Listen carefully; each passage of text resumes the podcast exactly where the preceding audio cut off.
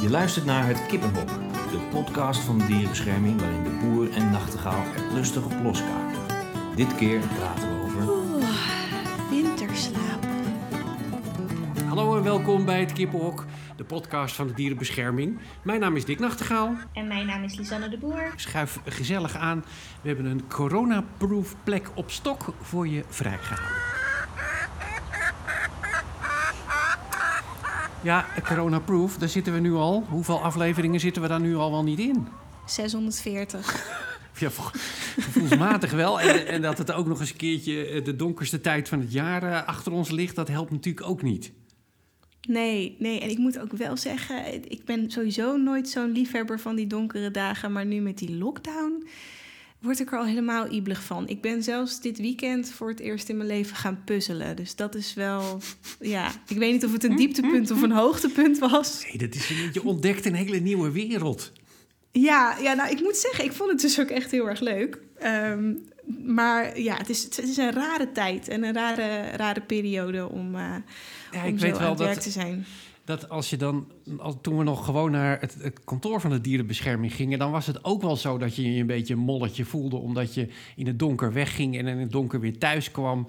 En op kantoor ook niet zoveel meekreeg van het daglicht. Maar op een of andere manier door het thuiszitten heb je ook nog eens het... Ja, dat die reistijd die gaf dan toch altijd nog wel een gevoel van naar buiten gaan. En ondanks dat ik wel probeer elke dag eh, een half uurtje buiten te lopen als het nog daglicht is... dan ja, op een of andere manier hou je het toch... en dat is denk ik gewoon tussen je oren... maar hou je het gevoel over dat je de hele tijd maar ja, in je holletje zit, in je hockey zit. Ja, Ja, ja precies. Het- dat, dat, is, dat ritme is er heel erg uit.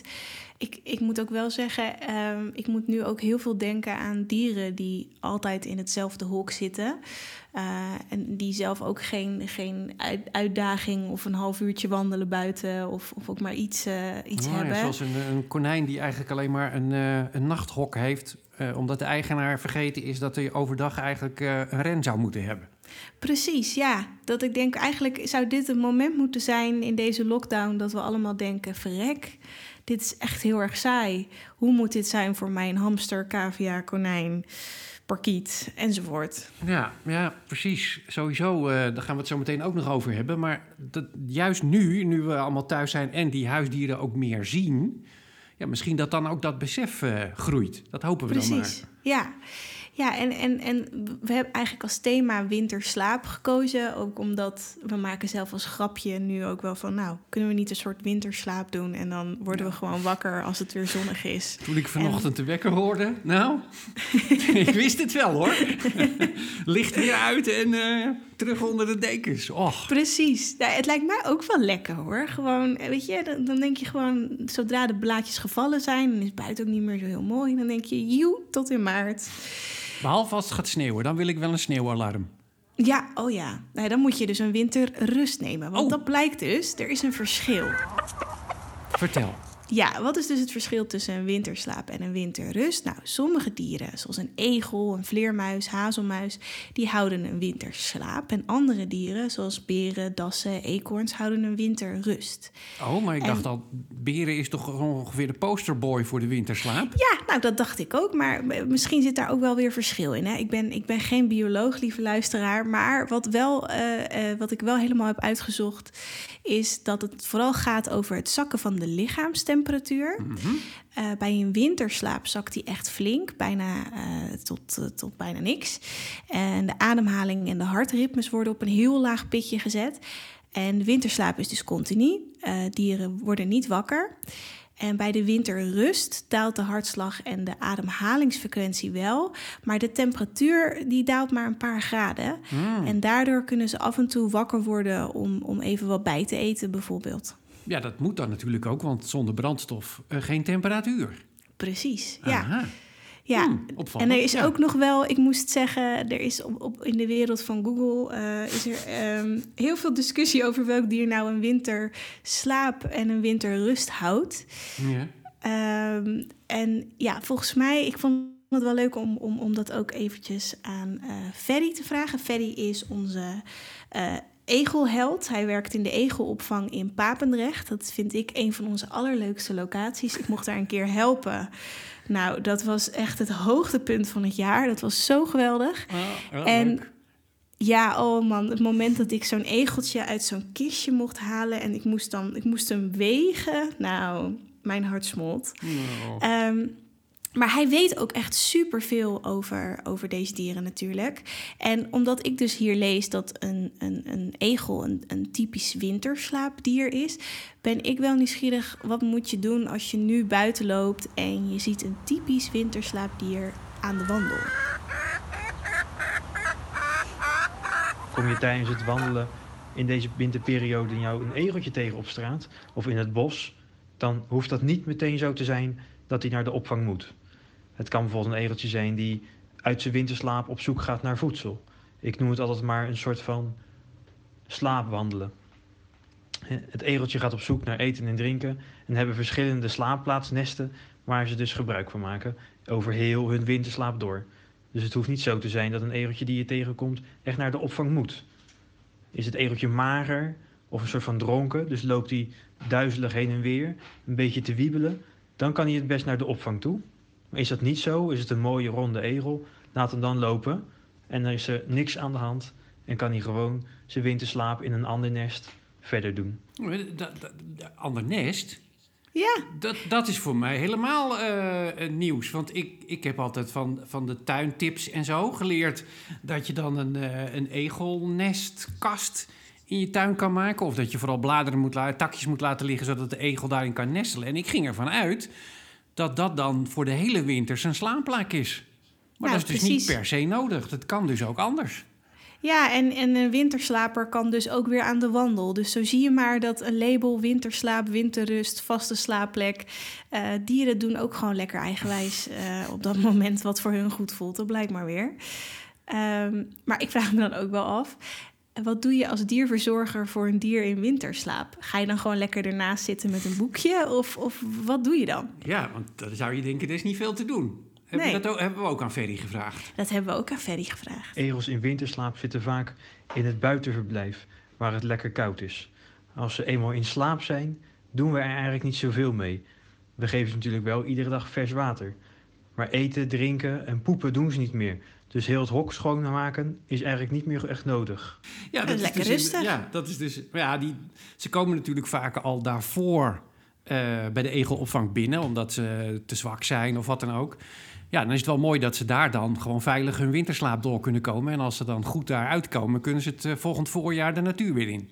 Ja, ja en, ik, en ik zit natuurlijk een beetje te plagen dat, dat Ferry met zijn boekje eh, lekker chill ernaast zit. Want ik ben daar dus geweest en als, er, als het ergens druk is, dan is het daar. Want er zijn natuurlijk ook heel veel egels die te misselijk eh, en te zwak zijn om, om nu in een, in winterslaap te gaan. En dan, ja, dan hebben ze juist wel heel veel verzorging nodig eh, van onze dierverzorgers daar. Ja, gelukkig helpen die ze dan de winter door, letterlijk en figuurlijk. Ja, precies. En ik moet wel zeggen, ik zou wel een keer dan met een kleedje en een boekje gewoon bij het winterverblijf willen zitten. Ja, ze, ze- maken ze ook geluid als ze slapen? Weet je dat? Oh, dat weet ik niet. Want als je Nee. bijvoorbeeld, als je kijkt naar, nou ja, mijn, mijn kat bijvoorbeeld, die kan eh, zo heel zachtjes zo liggen te snurken als die in diepe slaap is. En dat geeft dan zo'n, ja, dat is zo rustgevend dat ik zelf inderdaad ook zo een beetje ga zitten dommelen daarvan bijna. Eh, Nou, dit is heel grappig dat je dit zegt, want ik had het hier dus laatst met een vriendin over. En die zei ook, als mijn vriend snurkt, dan heb ik zin om hem ieder moment uit het bed te schoppen. Maar als mijn kat naast mij komt liggen en gaat snurken, dan vind ik dat op de een of andere manier heel rustgevend. Dat is toch mooi? ja, ja, ja daar, daarom zie je natuurlijk ook wel eens van die onderzoekjes van eh, eh, mijn vriend of het huisdier het bed uit, dat dan de vriend meestal zijn biezen moet pakken.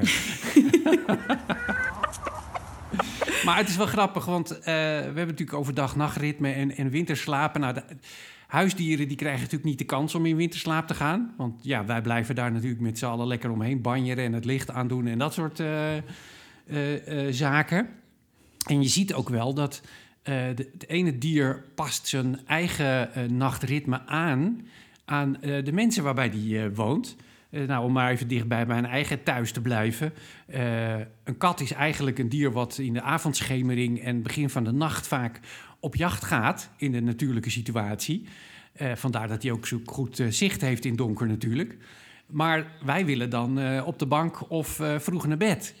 En je ziet toch dat, dat in ieder geval mijn, mijn kat, die, die heeft zich daarop aangepast en die gaat mee in dat ritme. Alhoewel ik wel vaak merk, en dat is wel, een, als ik dan even een tipje tussendoor mag geven.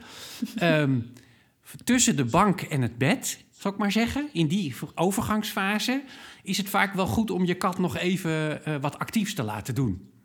Eh, dus nog even te spelen of, eh, nou wat ik zelf doe, dan krijgt hij altijd nog een paar snoepjes. Ja, die krijgt hij dan niet cadeau, dan moet hij dan achteraan rennen over de vloer.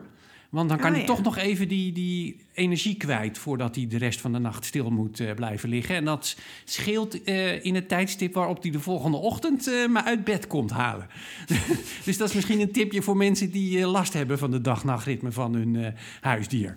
Het is eigenlijk niet heel veel anders met kinderen. Mijn neefje die gaat, die gaat na het, het avondeten ook nog... heeft hij even zijn drukke momentje... en dan is het daarna Ja. wel klaar. Ja, ja, ja, precies. nou, dat, dat dat, in ieder geval met mijn kat werkt. Honden willen natuurlijk vaak nog even hun laatste plasje doen eh, voor het slapen gaan. Eh, dus dat is ook handig om daar rekening mee te houden als diereigenaar.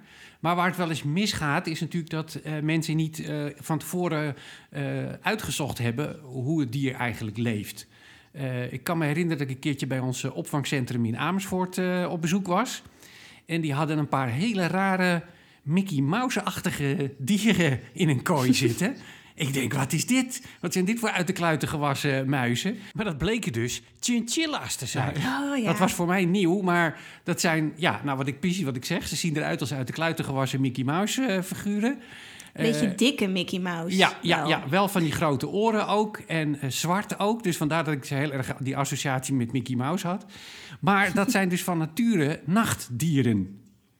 En wat er dan vaak gebeurt, hoorde ik van de verzorger daar... is dat mensen kopen zo'n dier omdat de kinderen het zo leuk vinden. Maar die Ja. kinderen willen, als ze smiddags uit school komen... met hun huisdier spelen. Maar die zit dan lekker te pitten. Dus die wordt dan uit zijn slaap gehaald, wordt zagrijnig, bijt... En dan wordt hij naar het asiel gebracht omdat hij vals is.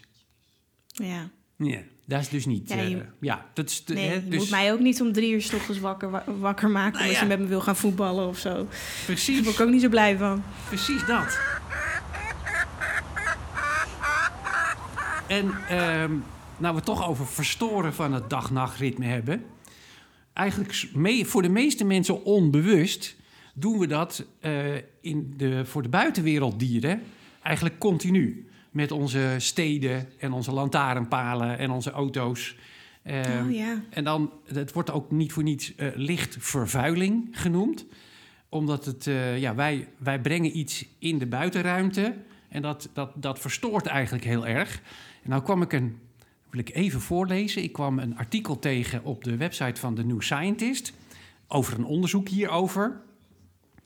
En om even te schetsen eh, wat er dan kan gebeuren. En kleine eh, spoiler alert: het is wel met enig gevoel voor drama opgeschreven. Eh, maar het schetst wel meteen even de serieusheid van de zaak. Dus eh, zet je schrap. Ik ga even dit stukje, even een alineaatje voorlezen. Een pasgeboren zeeschildpadje heeft zich net een weg uit het zand gegraven. In de verte ziet ze het eerste licht. Het glinsterende maanlicht weerkaatst in de zeeoppervlakte. Het diertje weet instinctief dat ze daar naartoe moet, op naar het water. Maar als het dichterbij komt, is het niet het geruststellende klotsende geluid van de zee, maar blijken het voorbijrijdende auto's te zijn. Het licht bleek niet afkomstig van de oceaan, maar van een weg die langs de kust loopt. Ja, de gevolgen kun je dan Nou. ongeveer wel eh, voorspellen. Eh, Ik zat er helemaal in door die stem die je opzet. Oh, sorry. Dat, dat is mijn voorleesstem. Ik word er helemaal rustig van. Eh, nou ja, eh, maar je begrijpt wel wat hier natuurlijk aan de hand is. En dit gebeurt eh, voor veel meer dieren. Dit is dan ver weg, maar je snapt wel dat heel veel dieren zijn afhankelijk van bijvoorbeeld het maanlicht of de sterren.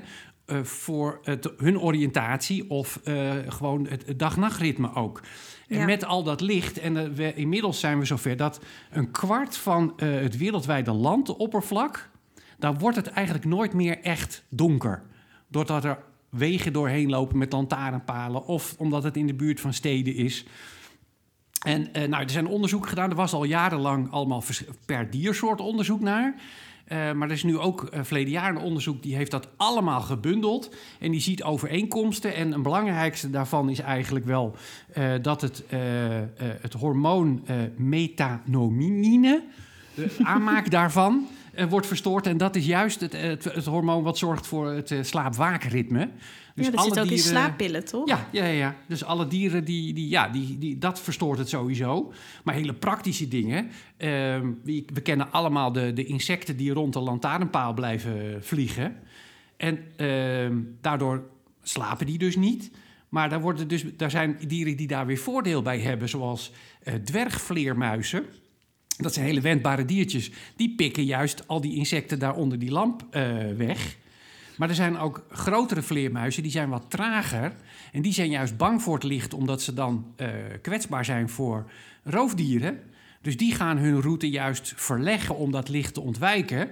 Waardoor ze ook weer minder kans hebben op het vinden uh, van voedsel. En ik kwam nog een ander voorbeeld tegen waar ik niet zomaar 1, 2, 3 bij stil stond.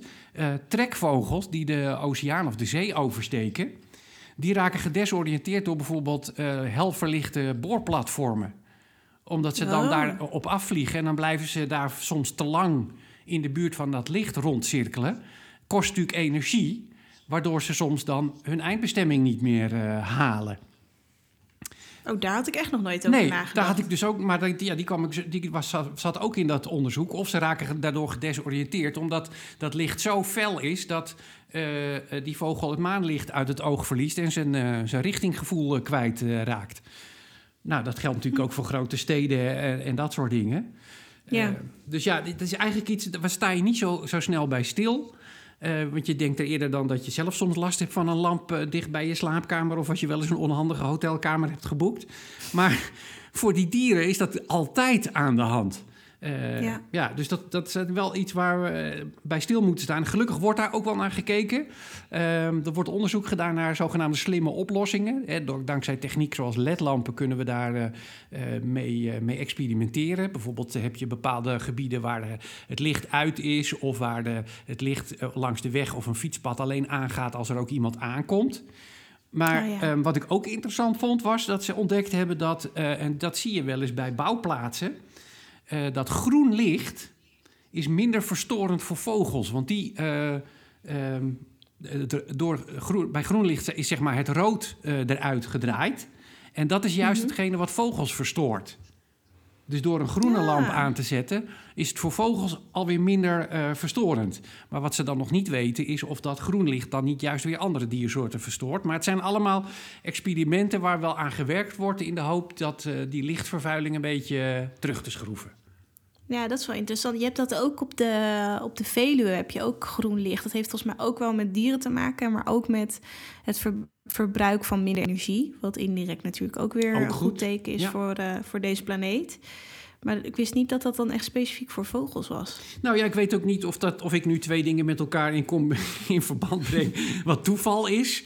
Maar het zou me niet verbazen, want ik las er daarover. Toen denk ik, oh, ja, dat zie je tegenwoordig wel vaker, dat er ergens het licht uh, groen is. Misschien hebben ze, hebben, zijn dat plekken waar ze dit al doorgevoerd hebben. En anders dan is het een mooie bijkomstigheid. Ja, het is goed als gemeenten zich daarmee bezighouden. Ik merk toevallig, ik woonde eerst echt midden in de stad en nu daarbuiten. En voor mijzelf is het ook al leuker dat het hier gewoon minder lichtvervuiling is. Omdat je, ik kan opeens sterren kijken in de tuin. Dat kon ik echt nooit. Dat zag je helemaal niet. Dus, dus het is niet alleen voor dieren leuk, maar ook voor jezelf. Als je een beetje zorgt dat je ja, jouw plek in ieder geval ervoor zorgt dat er niet zoveel lichtvervuiling is. Nee, ja, zeker. En je kan natuurlijk als je bijvoorbeeld. Uh, niet iedereen heeft een gigantische tuin met allemaal prachtig verlichte bomen en planten s'avonds.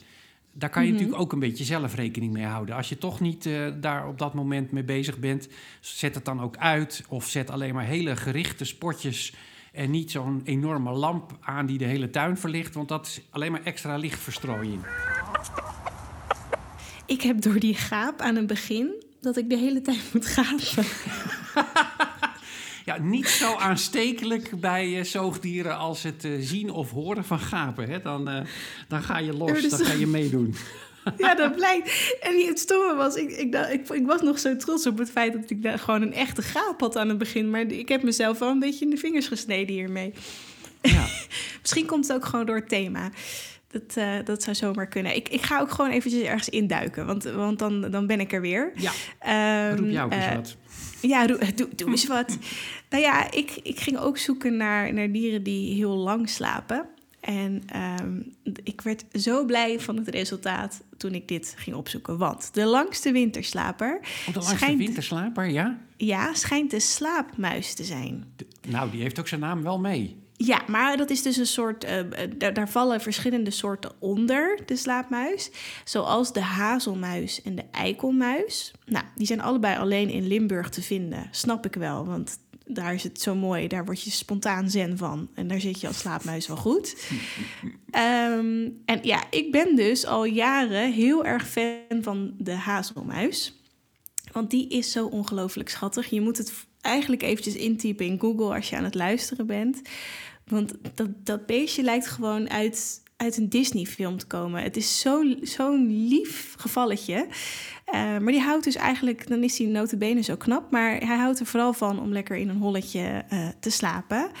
Um, ze noemen de, de hazelmuis ook wel het aapje van het zuiden. En dat oh, heeft hij ja. te danken aan het feit dat hij van die hele kleine handjes heeft... en een hele lange, harige staart. Ah, dus hij heeft er wel En daarmee kan hij heel goed klimmen. Ja. Ja, hij heeft echt ook een beetje iets. Nou ja, ik moet zeggen, het is wel gewoon een muis qua gezicht hoor. Maar hè, we moeten een beetje creatief zijn met de diersoortnamen die we hebben in het land. Um, en in Zuid-Limburg is het de enige plek waar uh, dat diertje nog voorkomt. En de reden dat ik hem ken is omdat ik uh, een paar jaar geleden uh, best wel veel gelezen heb over het project wat de natuurbeheerders daar doen om die hazelmuis te beschermen. Dus nou, mocht je even zin hebben in wat schattigs, zo midden in deze, in deze lockdown, google gewoon even op hazelmuis. Daar word je, daar word je sowieso blij van. en nou, nou jij over slaapgedrag van dieren begint wij zitten hier natuurlijk in het kippenhok. Dus ja. ik dacht, hoe zit dat eigenlijk met kippen? Slaap, hoe ja. slapen die? Nou, we weten natuurlijk allemaal, de kippen gaan op stok. En dat heeft weer te maken met dat ze van nature uh, scharreldieren zijn die aan de bosrand uh, leven. En dan voor hun veiligheid uh, in struiken of in bomen slapen. Dus daarom moeten ze ook in hun gevangen, in hun gehouden leventje een stok hebben waar ze kunnen, op kunnen slapen. Maar hoe verloopt die slaap? Nou, daar is ook weer een recent onderzoek, kwam ik tegen daarover. En daaruit blijkt dat de slaap van kippen veel lijkt op de slaap van zoogdieren. Uh, want ze blijken ook uh, remslaap te hebben. Weet je wel, die rapid eye movement, waar je dus echt even helemaal weg bent. Alleen is die mm -hmm. bij de kip maar heel kort, maar een paar seconden. En ze slapen sowieso, hun diepe slaap uh, is sowieso dan steeds maar een paar minuten en dan zijn ze weer even wakker. Dus ze slapen niet hele lange periodes achter elkaar, maar doen heel veel hazenslaapjes achter elkaar. Uh, maar ze kunnen dus wel ook diep slapen. En hoe ze dat nou weer onder, achter, achterhaald hebben, weet ik niet. Maar de deskundigen zeggen dat ze daarin ook dromen. Ik denk van een lekkere no, worm of zo. Een kippendroom. Een kippendroom. En uh, wat ik ook wel, uh, uh, ja, soort van logisch als je het leest, maar kippen die door dat scharrelen en zo moeten ze vaak ook, dat zijn best slimme dieren hè, in het vinden van hun eten en dingetjes optillen en daaronder kijken. Dus het zijn best slimme dieren. Dus die hersentjes van die kip die gaan best, worden best actief gebruikt. Daarom moeten ze ook diep kunnen slapen, anders verwerken ze dat niet. Maar kip is natuurlijk behoorlijk een, een, een, een dier waarop gejaagd wordt. Mm -hmm. uh, vaak een prooi in de natuur. Dus ze kunnen niet, uh, dus behalve dat ze, half, uh, dat ze korte tijden slapen, is er in een groep kippen altijd wel één of twee die met één oog open slapen, zoals sommige zoogdieren dat ook doen. En dat is dus hm. echt dat ze dan de ene hersenhelft slaapt dan niet en de andere helft wel, waardoor ze als er gevaar dreigt sneller wakker zijn en de rest van de groep kunnen waarschuwen. Huh? Ik dacht dat dat alleen bij dolfijnen was, dat, dat, dat er maar één helft van hun brein dat, actief blijft. Ja, nou, dat dacht ik dus ook. Maar dit onderzoek, deze, dit onderzoek uh, ja, die zegt dus nee, dat gebeurt ook bij kippen. Huh? Wat grappig, ja, want ik, ik, daar is het ook zo. En dat is ook logisch, want een dolfijn moet kunnen blijven zwemmen en moet gaan ademhalen en moet dat allemaal wel kunnen blijven doen. Uh, dus daar is het ook zo dat de ene helft van het brein actief blijft en de andere helft gaat lekker tukken. Ja. Um, maar ja, die kip die blijft toch wel uh, verbazen dan. En, en, tot slot, want ik denk dat we... De, de, ja, we zitten alweer veel te lang te kakelen. Veel te lang te kakelen hier in dit hok, inderdaad. Uh, misschien ter afsluiting nog even. Jij had net namelijk de langst slapende de winterslaper. Mm -hmm. Maar gewoon lang slapers over, per dag. Die zijn er natuurlijk ook. En ja. ik denk altijd dat dat mijn, uh, mijn kat is. Een wat oudere kat, die slaapt ook de hele dag. Maar uh, daar is ook een lijstje van. En dat zijn wel wat uh, uitheemse dieren. Maar ik vond het wel grappig om nog even te noemen. Je hebt de, de, de, het grootharig gordeldier. Nou, ga dat ook maar googlen. Die, die slaapt wel 20,4 uur per dag. Dus die is nog geen 4 uur per dag daadwerkelijk wakker. Huh? en je had het net al over muisjes. De kleine zakmuis die slaapt 20,1 uur per dag. Waarom is dat echt een perfect scheldwoord? Een kleine zakmuis. Ja, dat klinkt wel lekker. Ja, toch? nou, misschien moeten we die er eens in houden. Ja. Uh, nou, dan heb je nog de, de bruine vleermuis... die iets minder dan 20 uur per dag slaapt. De Noord-Amerikaanse buidelrat 18 uur. Een python kan ook gerust 18 uur slapen. Vind ik dan minder erg. Uh, en dan heb je nog een uilaap. Hm, die heb ik nog niet eens opgezocht. Uh, die slaapt 17 uur. Dat zijn de, de langst slapende dieren volgens het lijstje wat ik vond op de site slaapinfo.nl. Huh? Ik zou denken dat dat misschien een, een luiaard is. Hoe lang staat Nee, nee dat is juist een misvatting. Die, uh, dat oh. wordt hierin ook beschreven. Uh, gemiddeld slaapt een luiaard pakweg 14 uur per dag. Maar wij denken dat dat zo is omdat hij ook zo langzaam en slaperig zich beweegt. Maar dat is dus een misvatting dat de luiaard het langst slaapt. Want uh, die 14 uur is niet opmerkelijk, want dat doen bijvoorbeeld ook katten en honden. En, dus dat is een, een, een redelijk normaal uh, aantal uur. Uh, dus die luiaard die, die heeft alleen maar zijn naam tegen, omdat hij dus inderdaad zo slaperig overkomt.